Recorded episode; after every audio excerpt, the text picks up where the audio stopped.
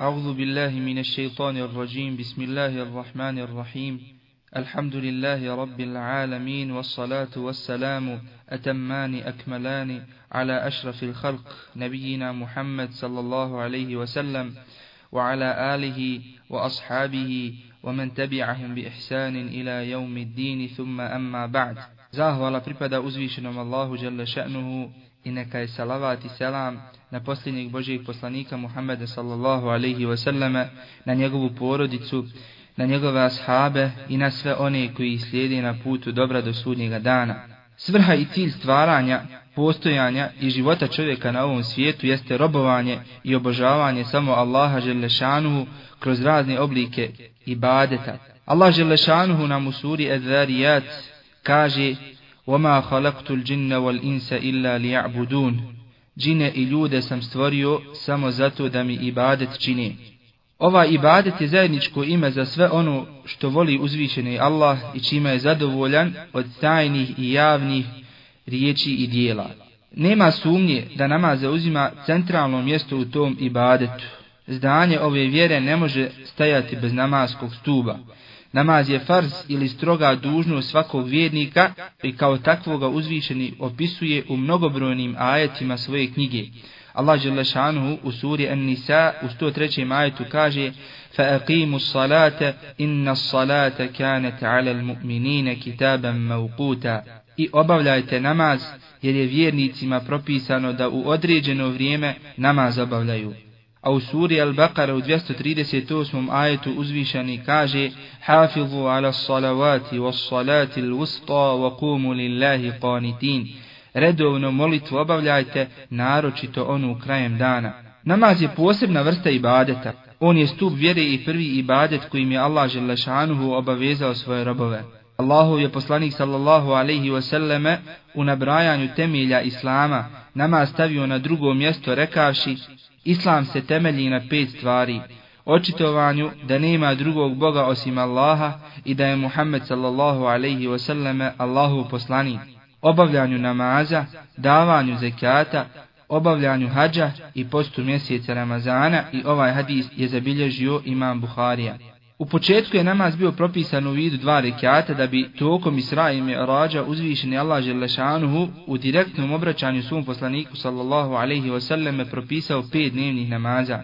Plemeniti ashab Enes radijallahu ta'ala anhu nam prenosi i kaže u noći Mi'rađa Muhammedu sallallahu alaihi wasallam je propisano 50 dnevnih namaza i Allah Želešanuhu se onda obratio poslaniku sallallahu alaihi wasallam rekavši mu Plemeniti ashab Enes radijallahu ta'ala anhu kaže u noći mi rađa Muhammedu sallallahu alaihi wasallam je propisano pet dnevnih namaza i Allah želešanu se onda obratio poslaniku sallallahu alaihi wasallame rekavši mu Muhammede ja ne poričem ono što kažem imat ćeš nagradu za ovih pet namaza kao za 50 i ovaj hadis su zabilježili Buharija i Muslim.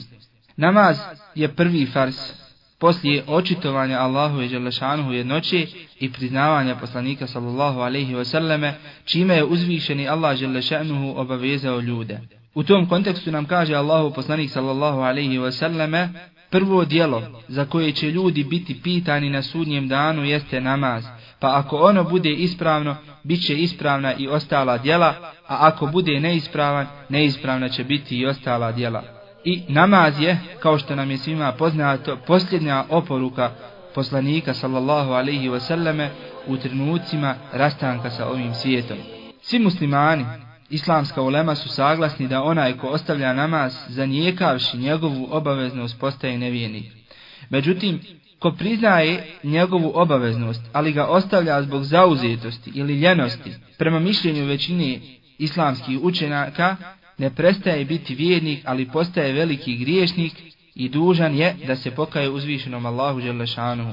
Uzvišen je Allah subhanahu wa ta'ala o ovakvima kaže u suri Merim u 59. ajetu, a njih pravi vjernike zamijeniše zli potomci koji namaz ostaviše i za požudama pođoše, oni će sigurno ružnu završnicu imati. A u drugom ajetu kaže teško se onima koji kada namaz obavljaju, ne obavljaju ih kako treba, već se samo pretvaraju. Na drugom mjestu Uzvišen Allah subhanahu wa ta'ala govoreći o nesretnicima kaže šta vas je dovelo u džehennem. Rekoše nismo namaz obavljali.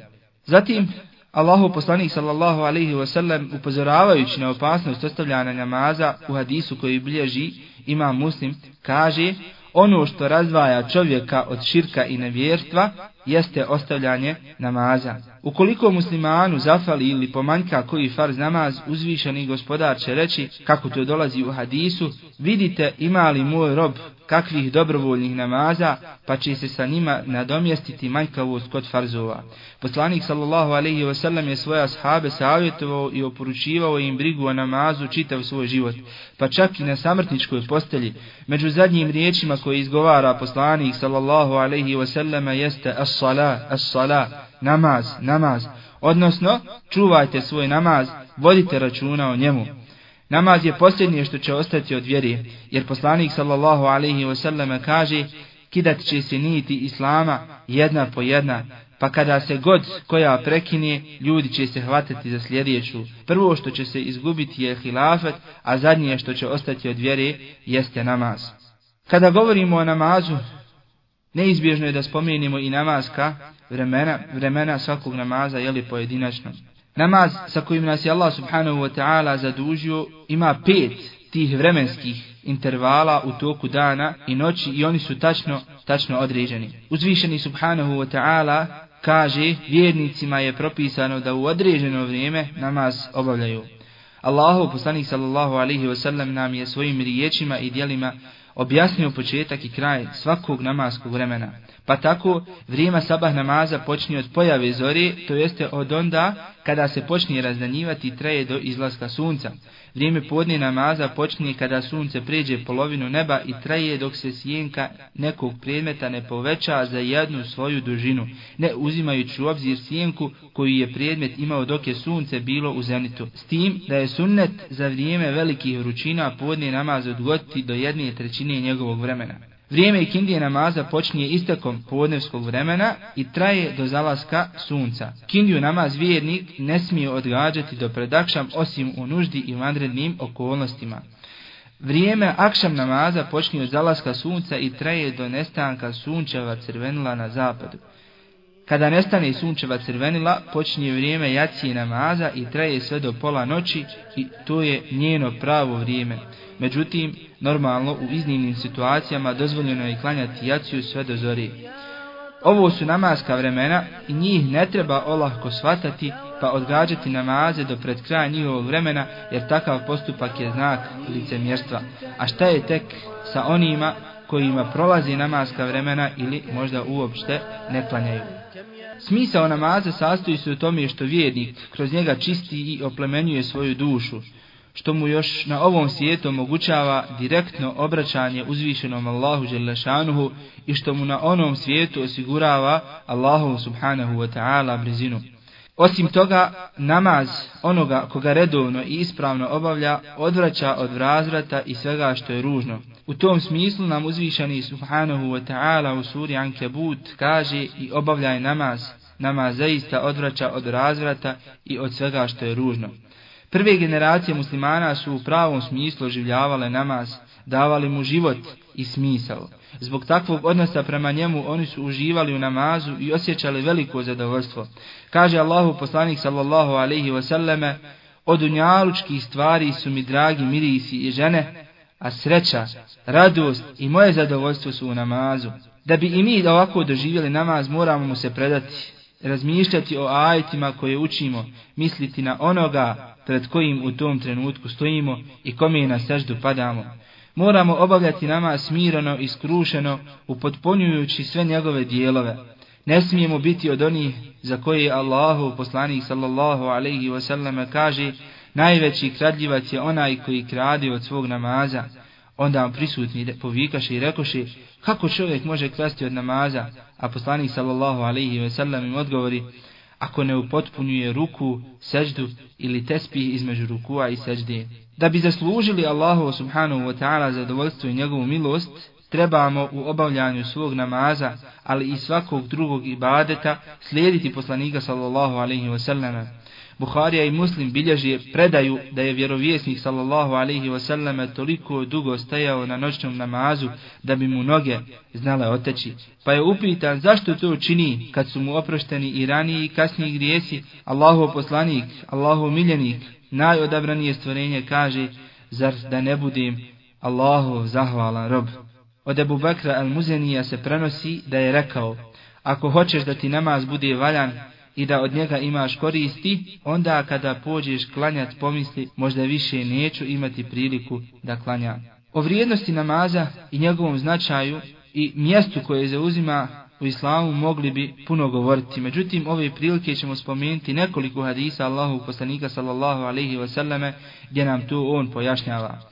Pa tako u hadisu kojeg prenosi Abdullah ibn Umar radijallahu ta'ala anhu, a hadis bilježi imam Bukharija i Muslim, stoji da je Allahu poslanik sallallahu alaihi wasallam rekao, Naređeno mi je da se borim protiv ljudi sve dok oni ne posvjedoče da nema drugog Boga osim Allaha i da je Muhammed Allahu poslanik, dok ne počnu obavljati namaz i davati zekat. Ukoliko to učine ili se na drugi način ne ogriješe prema Islamu, a račun će polagati pred uzvišenim Allahom. Zatim u hadisu kojeg bilježi ima muslim stoji da je Allahu poslanik sallallahu alaihi wasallam rekao Primjer pet dnevnih namaza je kao primjer velike rijeke sa pitkom vodom koja protiče ispred vrata nekog od vas i on se u njoj dnevno pet puta kupa.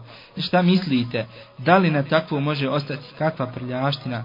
Ne, ne može, odgovoriše prisutni, a poslanik sallallahu alaihi wasallam im reče, pet dnevnih namaza zaista brišu grijehe isto kao što voda čisti prljavštinu. Također u hadisu kojeg bilježi ima muslim kaže Allahu poslanik sallallahu alaihi wasallame nema tog vjernika koji kada nastupi vrijeme propisanog namaza ustane lijepo u potpuni abdest skrušeno stanje na namaz te propisno obavi ruku a da mu taj namaz neće biti otkup za počinjene grijehe. Namaz se dijeli na tri vrste, farze, sunnete i nafile. Farz namazi su pet dnevnih namaza, a svima nama dobro poznati, to su sabah, podni, kindija, akšam i jacija. U vezi sa ovim namazima Allahu poslanik sallallahu alaihi ve sellem je rekao Allah je svojim robovima stavio u obavezu pet dnevnih namaza onome koji bude obavljao redovno, nijedan od njih ne izostavljajući i ništa od njih ne zamarujući, Allah mu obećava da će ga uvesti u džennet, a onome koji ih ne bude obavljao, Allah ne obećava ništa, nego će kome bude htio oprostiti, a koga bude htio kazniti. I ovaj hadis bilježi ima Ahmed i hadis je Hasan, to jeste dobar. Da bi namaz nekome bio obavezan, potrebno je da osoba ispuni određene uvjete, a ti uvjeti su sljedeći. Prvo, da je musliman, jer da bi mu namaz postao obavezan, mora prethodno izgovoriti šehadet, kao što smo to već spomenuli. Zatim, da je osoba pametna, jer luda osoba nije dužna klanjati. Treća stvar jeste da je osoba šerijatski punoljetna, jer djetetu dok ne postane punoljeta namaz nije obavezan. Međutim, dijete je lijepo navikavati da klanja i prije nego što postane punoljetno. Četvrta stvar da nastupi namasko vrijeme, jer se namaz ne može klanjati prije njegovog vremena. Shodno riječima uzvišenog u suri En-Nisa u 103. majetu, vjernicima je propisano da u određeno vrijeme namaz obavljaju. I peta i zadnja stvar jeste da žena nije u hajzu i nifasu, jer kao takva nije dužna klanjati dok se ne očisti. Allahu poslanik sallallahu alaihi wasallame u predaji koja je mutafakun alaihi, jednoj sahabiki kaže kada ti se pojavi hajz, prestani klanjati. Znači ovo su bili uvjeti za obaveznost namaza. Sad ćemo spomenuti uvjete za valjanost namaza. Da bi namaz muslimana bio primjen kod Allaha Đelešanuhu mora ispunjavati sljedeće uslove. Prvi uslov je iskrena namjera ili nijet. Shodno riječima Allahu poslanika s.a.v. u hadisu kojeg bilježi ima Buharija i Muslim se kaže djela se cijene i vrednuju prema namjerama. Zatim, drugi uslov je da osoba bude čista od male i velike abstraktne nečistoći. To jeste da je uzela abdest ili gusul. Ako za to normalno jeli, ima potrebe. Kaže Allahu poslanik sallallahu alejhi ve sellem u hadisu koji bilježi Muslim, Allah neće primiti namaz obavljen bez propisane čistoće. S tim da neophodno je da tijelo i mjesto gdje se klanja bude čisto od nečistoća. Zatim treći uslov je da osoba bude propisno obučena, tako da su je pokriveni svi stidni dijelovi tijela. Četvrti uslov je okretanje prema kibli, jer ukoliko bi se okrenuli prema nekoj drugoj strani, namaz ne bi bio ispravan, a Allah subhanahu wa ta'ala kaže i gdje god se nalazili vi lica svoja prema toj strani okrenite. To jeste, jeli, misli se na Mesčidul Haram u Mekke. Izuzetak čine samo oni koji su u nemogućnosti da se iz straha, bolesti i slično okrenu prema Kaabi. Dozvoljeno je putniku koji klanja na filu namaz na jahalci ili kakvom drugom prijevoznom sredstvu okrenuti se u pravicu u kome ona ide, ali ovo se jeli odnosi samo za na filu, za na filu namaz. Sad kad smo ispunili sve uvjete za ispravnost pristupanja namaza, naš namaz mora sadržati određene stvari koje islamski učenjaci nazivaju ruknovi ili sastavni dijelovi namaza. U slučaju da se izostavi neki od namazskih sastavnih dijelova, namaz će biti pokvaren i neispravan. U te sastavne dijelove namaza ubrajamo prije svega početni tekbir s kojim ulazimo u namaz i on, kao što svi znamo, jeli glasi Allahu Akbar. Zatim stajanje u namazu s tim da onaj ko ne može stajati klanjat će sjedeći, ako ne može sjedeći onda će ležeći na strani i tako dalje. Ako bi u kojem slučaju farz namaz klanjao sjedeći, a može stajati, namaz mu ne bi bio ispravan. Treći, taj sastavni dio namaza je učenje Fatihe, jer poslanik sallallahu alaihi wasallam kaže onome ko ne prouči Fatihu namaz nije ispravan i ovu predaju bilježi imam Buharija. Zatim četvrti rukn je ruku'u, odnosno pregibanje u namazu. Peti rukn ili sastavni dio namaza je činjenje sežde. Šesti rukn je zadnje sjedinje na namazu. Sedmi je predavanje selama. I još možemo spomenuti smirenost tokom obavljanja ovog ibadeta, od stupanja u namaz do predavanja selama. I pod ovom smirenošću se podrazumijeva da osoba koja klanja ostane na rukuru seđdi, sjedenju i kijamu toliko dugo dok joj se tijelo potpuno ne umiri. Poslanik sallallahu alaihi wasallam je rekao ashabu koji je brzo klanjao, ne upotpunjujući dijelove namaza, irđi' fa salli fa inneke lam tu salli. Vrati se i klanjaj jer ti nisi, nisi klanjao. I zadnji ruk namaza je pridržavanje redoslijeda. Sad kad smo saznali kako se pripremiti za namaz i kako ga ispravno obaviti, možemo početi klanjati. Međutim, prije namaza muslimanima je propisano učenje ezana i ikameta. Ezan je najava nastupanja namaskog vremena za to posebno namijenjenim riječima i on je jedno od najistaknutijih obilježa islama. Ezan i ikamet su za muškarca potvrđeni sunnet. Dokaz za to su riječi Allahovog poslanika sallallahu alaihi wasallam u predaju koja je mutefakun alaihi gdje kaže kada nastupi vrijeme namaza neka neko od vas prouči ezan i neka najstariji među vama bude imam.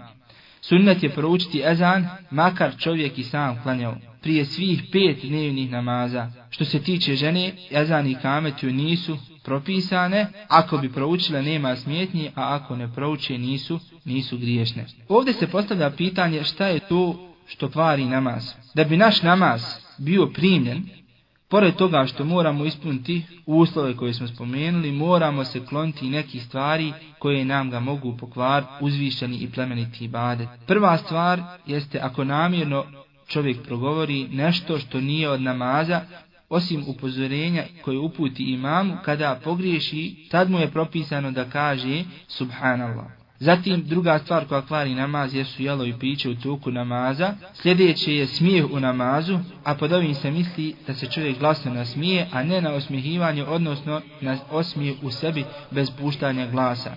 Četvrta stvar su pokreti koji nisu vez za namaz, a koji su uzastopni i česti, tako da se ako čovjek gleda klanjača sa strane, stiče utisak da on, ta ista osoba nije u namazu.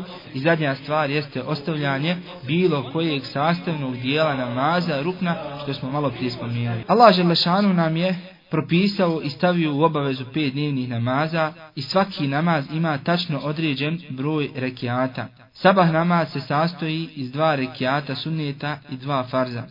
Prvo klanjamo sunnete, a onda farz namaz. Podni namaz se sastoji od deset rekiata, prvo se klanjaju četiri sunneta, zatim četiri rekiata farza i onda još dva sunneta.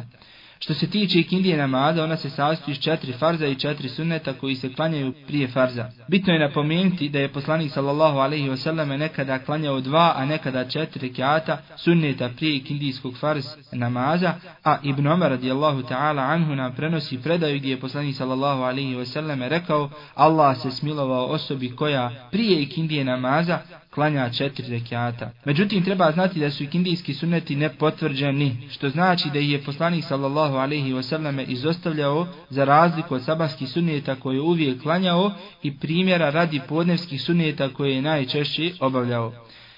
Akšam namaz se sastoji od pet rekiata, prvo se klanjaju tri rekiata farz namaza, a onda dva sunneta. A iša radijallahu ta'ala anha kaže u predaju koju bilježi ima muslim, klanjao bi poslanik sallallahu alaihi wasallam akšam namaz, a kada bi se vratio u kući klanjao bi još dva rekiata. Jacija namaz se sastoji od šest rekiata i vitra. Klanjaju se prvo četiri farza, pa onda dva sunneta. Nakon ovih sunneta klanjamo vitr namaz od tri rekiata. Što se tiče sunneta prije jacije namaza, nije preneseno da ih je poslanik sallallahu alaihi wasallam uobičavao klanjati s tim da ih možemo uvrstiti u opšti hadis u kojem poslanik sallallahu alaihi wasallam kaže između svakog ezana i ikameta ima dobrovoljni namaz i to je ponovio tri puta, a zatim je dodao onom je ko želi da klanja i ova predaje je vjerodostojna jer prenosi Buharija i Muslim. Sve sunnete koje smo do sada spomenuli i rekli da ih treba klanjati su pritvrđeni sunneti koje je poslanik sallallahu alaihi wasallam redovno obavljao. O tim pritvrđenim sunnetima Allahu poslanik sallallahu alaihi wasallam kaže ko u toku dana i noći klanja 12 dobrovoljnih, to jeste pritvrđeni sunneta, sagradit će mu se kuća u džennetu. I hadis prenosi imam muslim. U ovih 12 rekiata ulaze dva rekiata, dva suneta prije sabaha, četiri prije i dva poslije podne namaza, dva poslije akšama i dva poslije jacije namaza. Postoje određena mjesta na kojima nije dozvoljeno, nije dozvoljeno klanjati. Allah Želešanuhu je i svoje milosti ovom ummetu dao mnogobrojne blagodati i odlike nad prijašnjim narodima. Jedna od tih odlika je i to da je Allahom poslaniku sallallahu alaihi wasallame i njegovim sljedbenicima dozvoljeno obavljanje namaza na bilo kojem mjestu na Dunjaluku na zemlji, za razliku od prijašnjih naroda koji su svoje molitve obavljali na zato tačno predviđenim mjestima. Međutim, postoji nekoliko mjesta koje je poslanik sallallahu alaihi wasallam izdvojio iz opšte dozvole i zabranio obavljanje namaza u njima. U mjesta na kojima je zabranjeno klanjati spadaju mezarija, crkve, smetljišta, zatim plaonice, središta puta, torovi, deva, kupatila i površina koja se nalazi iznad, iznad Kabe. To su mjesta na kojima je poslanik sallallahu alaihi wasallam zabranio da obavljamo, obavljamo namaz. Sad ćemo nešto spomenuti o vrijednosti namaza u džematu. Obavljanje namaza u džematu je pritvrđeni sunnet po mišljenju većine islamske uleme s tim da ga neki učenjaci smatraju vađibom, to jeste obavezom svakog punoljetnog muškarca koji nije šarijatski spriječen da dođe do džamije. Mnogo je hadisa koji ukazuju na obavezu obavljanja namaza u džematu. Kaže Allahu poslanik sallallahu alaihi wasallame, nema te trojice koja zajedno žive, svejedno bilo u naseljenom mjestu ili pustinji, pa ne klanjaju u džematu, a da ih šeta neće savladati. Zato se držite džemata, jer vuk jede ovcu koja se odvoji od stada. Zatim je Buhurere radijallahu ta'ala anhu prenosi vjerodostojan hadis mutafakun alaihi u kojem poslanik sallallahu alaihi wasallam kaže tako mi onoga u čijoj ruci moja duša, razmišljao sam kako bi bilo da naredim da se sakupi gomila drva i da se potom prouči ezan, te da nekog ostavim da me kao imama u namazu zamijeni, a da ja odim i vidim koji to ljudi ne dolaze u džemat, pa da im popalim kuće. Jedne prilike je došao s neki slijepac poslaniku sallallahu alaihi wasallam kako bi zatražio dozvolu za nedolaženje u džemat. Allahu poslanik sallallahu alaihi wasallam mu je prvo dozvolio, a onda ga je ponovo zovnu i rekao mu, a čuješ li azan? Slijepac mu odgovori da čuje, a poslanik sallallahu alaihi wasallam mu reče, onda se na njega odazovi i ovu predaju nam bilježi ima muslim. Od Abdullaha ibn Masuda radijallahu ta'ala anhu se kaže, u naše doba sa namaza u džematu su izostajali samo najokorjeliji licemiri, Svakom je poznati po svom licemjerstvu. Čak bi i bolesnik, teturajući između dvojice, dolazio i stajao u zajednički saf.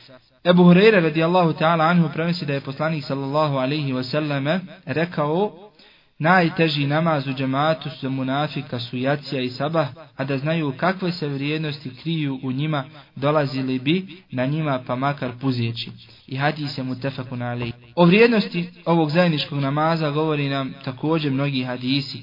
Nagrada koja za njega slijedi je velika, a to se najbolje vidi iz predaje koju nam prenosi Abdullah ibn Omer, gdje poslanik sallallahu alaihi wasallam kaže Namaz obavljen u žematu je vrijedniji od namaza obavljenog zasebno za 27 deređa, to jeste puta. A Osman ibn Affan, radi Allahu ta'ala anhu, nam prenosi da je poslanik sallallahu alaihi wasallam u predaju koju bilježi muslim rekao, ko klanja jaciju namaz u džematu, kao da je proveo pola noći u dobrovoljnom namazu, ako klanja sabah u džematu, kao da je čitavu noć klanjao. U drugom vjerodostojnom hadisu poslanik sallallahu alaihi wasallam nam kaže, Čovjekov namaz obavljen u džematu vrijedniji od njegovog namaza obavljenog u kući ili dućanu za 20 i nekoliko deređa. Ovo je zato što kada neko od vas lijepo potpuni abdest, pa samo zbog namaza u džematu i ni radi čega drugog krene u džamiju, Allah Želešanu ga za svaki njegov korak uzdigne njegov položaj za stupanj više i oprosti po jedan mali grijeh, sve dok ne uđe u džamiju a kada uđe, tretira se kao da je u namazu sve dok radi namaza boravi u džamiji. Zatim sve dok ste na mjestu na kojem ste klanjali, meleki vas ne prestaju blagosiljati i moliti Allaha Đalešanuhu riječima Allahu oprosti mu grijehe, Allahu smiluj mu se. I ovaj hadis je mutefakun alaihi. Ovdje je bitno spomenuti da se obaveza i vrijednost namaza u džematu odnosni samo na muškarce. Što se tiče žena, i one mogu pristovati namazu u džami ukoliko ne postoji bojazan da će svojim prisustvom izazvati pometnju med muškarcima ili bi možda mogle doživjeti kakvu neugodnost. Općenito, ženama je bolje da klanjaju kod kuće, jer poslanik sallallahu alaihi wasallam nam kaže ne zabranjujte ženama da odlaze u džamije, iako su im kuće njihove bolje za njih. A u drugom hadisu koji bilježe Ahmed i Abu Davud stoji da je poslanik sallallahu alaihi wasallam rekao ne zabranjujte Allahovim robinjama, ženama, da odlaze u džamiju. Ako već odlaze u džamiju, neka onda ne koriste miris. U suprotnom, ako se neka od njih namiriše, nije je dozvoljeno klanjati u džami. Kada su u pitanju predavanja, žene bi trebale da prisustuju kako bi stekle potrebno znanje. Možemo spomenuti vezano za odlazak u džamiju i to da kada krenemo u džamiju trebamo ići smireno i dostojanstveno bez ikakvog srkleta u hodu imajući na umu riječi Allahu poslanika sallallahu alaihi wasallam koji kaže kada krenete na namaz idite mirno i dostojanstveno. U džamiju ulazimo desnom nogom i ne sjedamo odmah, nego ćemo prvo klanjati dva rekiata tahijatul mesčida, o kojem ćemo ako Boga uz Allahu subhanahu wa ta'ala dozvolu nešto kasnije progovoriti. Sve što je do sada rečeno bilo je vezano za pet dnevnih namaza i o propisima oko njih. Sad ćemo spomenuti i ostale obavezne i dobrovoljne namaze kako bi zaokružili i kompletirali sliku namaza u islamu. Na prvom mjestu spomenut ćemo džumu namaz. Uzvišeni Allah subhanahu wa ta'ala je odlikovao umet Allahu poslanika sallallahu alaihi wa sallam sa brojnim i veličanstvenim odlikama i vrijednostima. Među njima nesumljivo spada i vrijednost dana džume, znači petka, dana kojeg je Allah želešanu zbog njegove vrijednosti uskratio židovima i kršćanima. Džuma namaz je stroga obaveza, vađib i dužan ga je klanjati svaki musliman, slobodan, punoljetan, pametan, a koji nije na putovanju i nema opravdanog šerijatskog razloga za izostavljanje džume namaza. Džuma namaz je propisan na riječima uzvišnog Allaha subhanahu wa ta'ala koji kaže O vjernici, kada se u petak na namaz pozovete, kupoprodaju ostavite i pođite da namaz obavite. A poslanik sallallahu alaihi wasallam u hadisu koji bilježi muslim kaže Ili će ljudi prestati izostavljati džumu, ili će Allah zapečati njihova srca, pa će postati nehajni. O vrijednosti džume namaza kao i samog petka nam govori dosta hadisa. Ove prilike ću ja uz Allahu pomoć spomenuti samo neke, pa tako imamo hadis od Abu Hurere radijallahu ta'ala anhu, da je poslanik sallallahu alaihi wasallam rekao, Allah je odvratio od džume one koji su bili prije nas, pa židovi imaju subotu, kršćani nedalju, a Allah je nas uputio na dan džume. Stoga je učinio da dan džume bude prvi, pa ga slijede subota pa nedelja. Također, Allah nam je dao prvenstvo nad njima na sudnjem danu. Mi smo posljednji stanovnici Dunjaluka, a prvi na sudnjem danu, za kojim će se ostala stvorenja povoditi. To je najvrijedniji dan, jer se u hadisu da Buhuriri radijallahu ta'ala anhu prenosi da je poslanik sallallahu alaihi wasallam rekao najvrijedniji dan u kojem je sunce izašlo je dan džume. U tom danu je stvoren Adem, tog dana je on uveden u džennet, tog dana je iz njega izveden, a sudnji dan će se desiti u danu džume. I hadis bilježi ima muslim. U ovom danu se nalazi sat u kojem Allah subhanahu wa ta'ala prima dove. Od Ebu Hurere radijallahu ta'ala anhu se prenosi da je poslanik sallallahu alaihi wa sallam u hadisu mutefakun alaihi rekao zaista u danu džume postoji sat u kojem rob musliman ako zamoli nešto Allaha dok je u namazu on će mu to i dati. Zatim to je dan u kome se brišu grijesi, jer od Selmana radijallahu ta'ala anhu se prenosi da je rekao da je poslanik sallallahu alaihi wasallame kazao sljedeće. Koji se god čovjek okupa u petak i očisti se koliko to bude u mogućnosti i namaže se uljem ili se namiriše kod svoje kuće, zatim ode u džamiju ne uznimiravajući nikoga, Potom klanja ono što mu je Allah propisao, te šuteći sluša dok imam bude govorio, bit će mu oprošteni grijesi između ovog dana i sljedećih petka.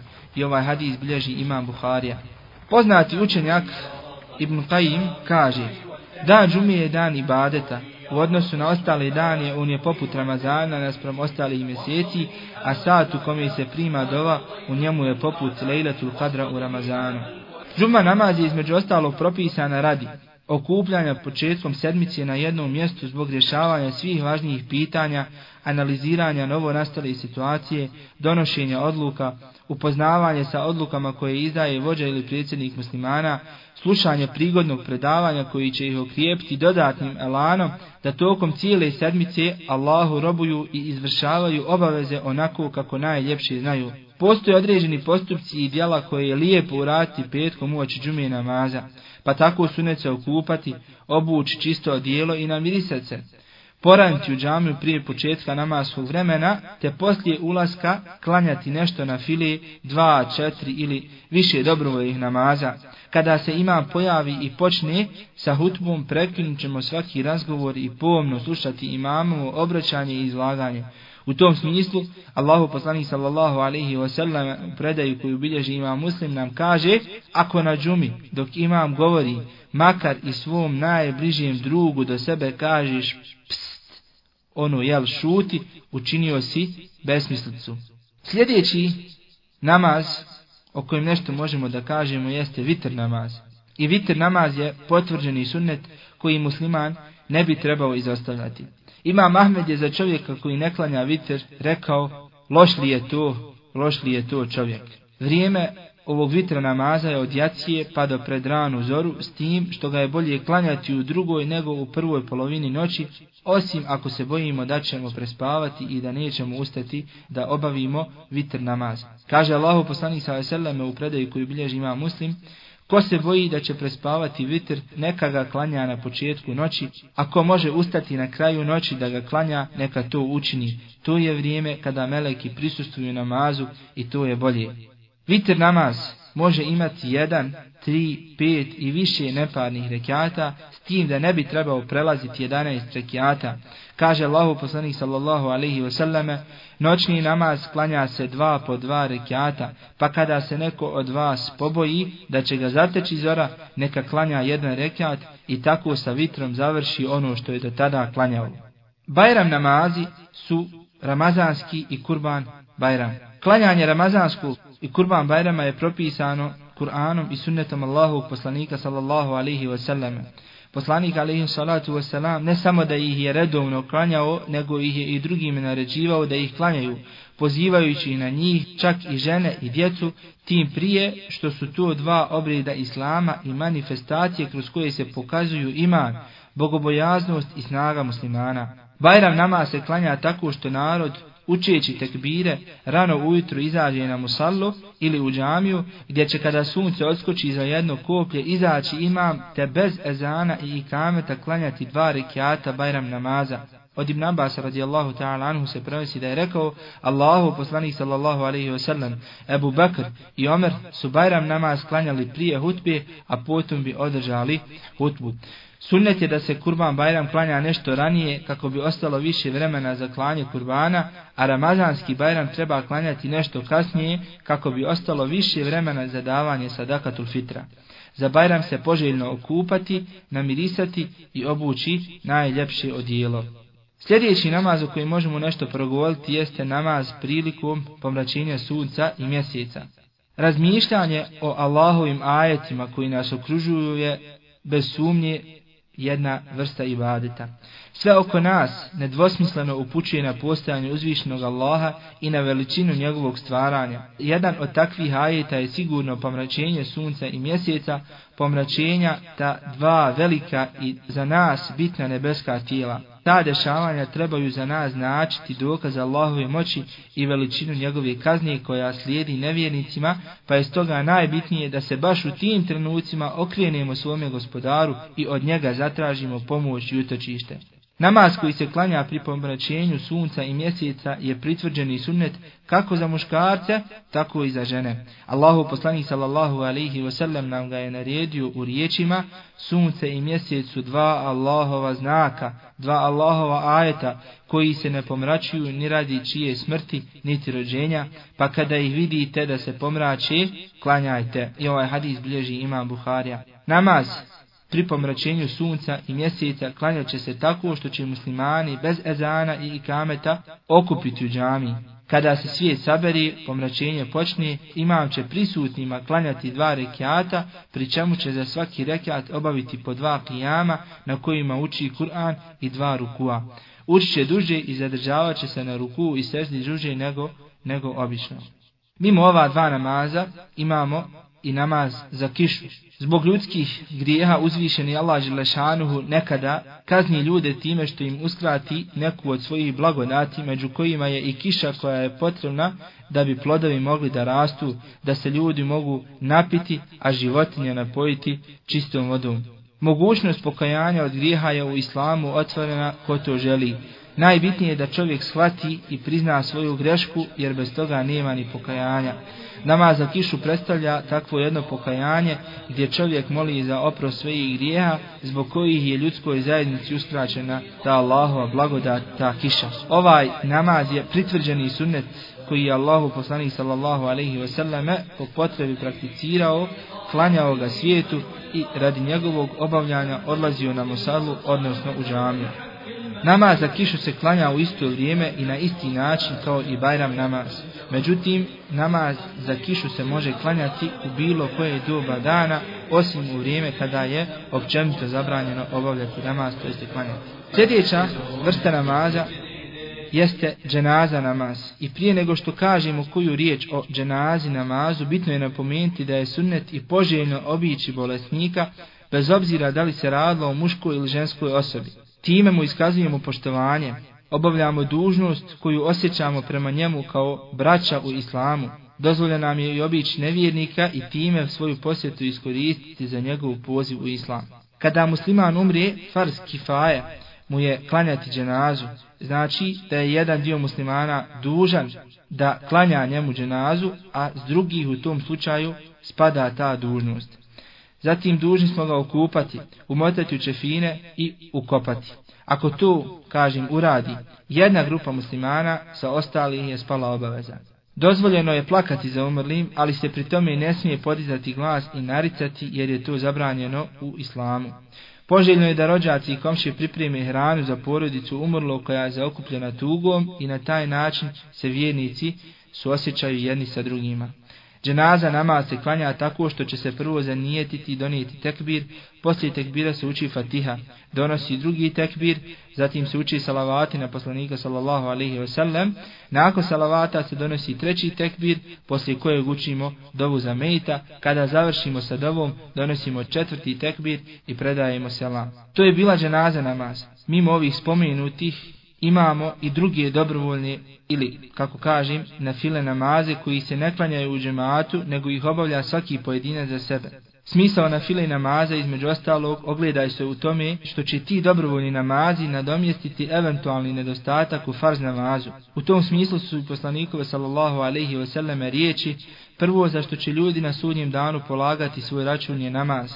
Tada će naš gospodar koji sve najbolje zna reći melekima Pogledajte šta je sa namazima roba moga i jesu li upotpunjeni ili im nešto fali pa će mu se ukoliko bude upotpunjeni tako i upisati, dok će ukoliko im bude nešto falilo gospodar uzvišeni reći, pogledajte ima li rob moj kakvih dobrovoljnih namaza, pa će im ukoliko ih rob bude imao gospoda reći, upotpunite farz namaza robu mome od njegovih nafila, a zatim će se dijela kao takva obračunati. Sada ćemo ukratko spomenuti neke dobrovoljne namaze koji su došli u praksi Allahu poslanika sallallahu alaihi wa sallam. Prije svega imamo tahijatul mesčit, i on se klanja prilikom ulaska u džamiju i u tom kontekstu Allahu poslanik sallallahu alaihi wa sallam u hadisu koji prenosi Abu Qatade, a hadis je mutafakun alaihi, kaže kada neko od vas uđe u džamiju neka ne sjeda dok ne klanja dva rekiata. I sljedeći dobrovoljni namaz jeste noćni namaz i on je veoma poželjan s obzirom da Allah Želešanu hvali one koji ga obavljaju i uvrštava i u svoje odabrane robove.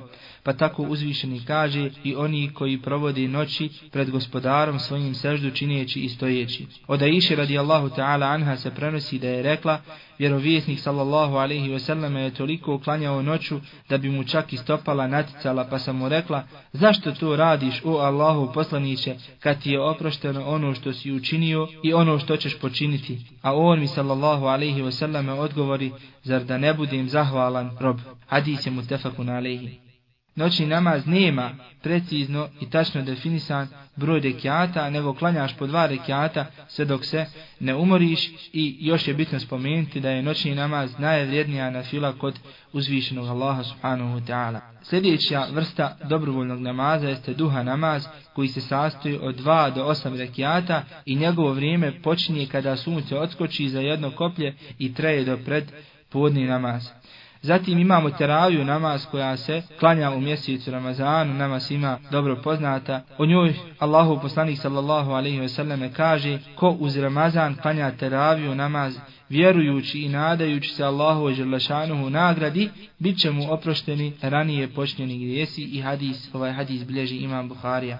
Dva rekiata poslije uzimanja abdesta za koje Allahu poslanik sallallahu alaihi selleme kaže koji god musliman u potpuni abdest, Allah će mu između njega i namaza koji slijedi oprostiti grijehe. Imamo zatim istiharu namaz i to je namaz koji je sunnet klanjati osobi koja hoće da učini neku dozvoljenu radnju, ali se dvoumi da li je to dobro za nju ili nije. U tom slučaju sunnet je da klanja dva rekiata u bilo koje doba dana ili noći. Poslije namaza će se obratiti Allahu subhanahu wa ta'ala propisanom je od Allahu poslanika sa seleme prenesenom dovom u kojoj će moliti svoga gospodara da mu ukaže na ono što je hajr za njega i na dunjaluku i na ahiretu. I zadnja vrsta dobrovoljnog na file namaza jesu dva rekiata prije akšamskih farza za koje Allahu poslanik sallallahu alaihi wa nam kaže klanjajte ih prije akšama. To je ponovio dva puta, a treći puta dodao ko hoće i hadis je verodostojan jer ga prenosi imam Buharija. Na kraju, nakon ovog našeg putovanja kroz namaske baše islama, nakon što smo saznali vrijednost namaza, naučili da je to prvo za što ćemo odgovarati na sudnjem danu, saznali koji su to obavezni namazi, a koji dobrovoljni, Na kraju nam ne prostaje ništa drugo nego da zamolimo uzvišenog Allaha Želešanuhu da ulije u naša srca ljubav prema namazu, da nam učini namaz najvećim zadovoljstvom na Dunjaluku, pomogne nas u njegovom obavljanju i da nas ne učini od onih za koje On, subhanahu wa ta'ala, kaže, a teško onima koji, kada namaz obavljaju, namaz svoj kako treba ne izvršavaju, koji se samo pretvaraju.